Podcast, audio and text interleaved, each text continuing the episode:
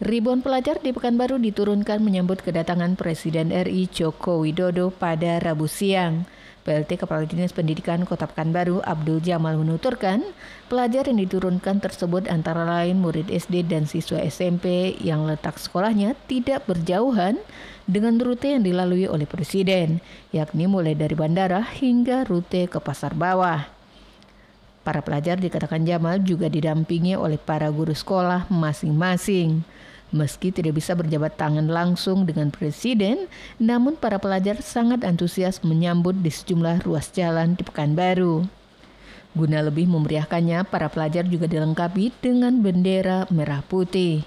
Jamal menambahkan para pelajar baru diturunkan ketika mendekati waktu kedatangan presiden, sehingga mereka masih tetap belajar sampai pukul setengah sepuluh. Kalau memang eh, memang ada masyarakat eh, atau ini yang mengadu ke kita akan kita tidak lanjuti, jadi akan kita mediasi dengan memanggil perusahaannya.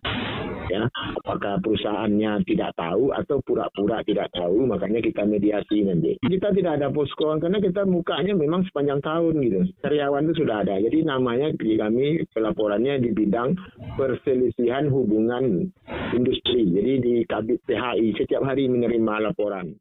Desi Suryani itu meliputan Barabas melaporkan.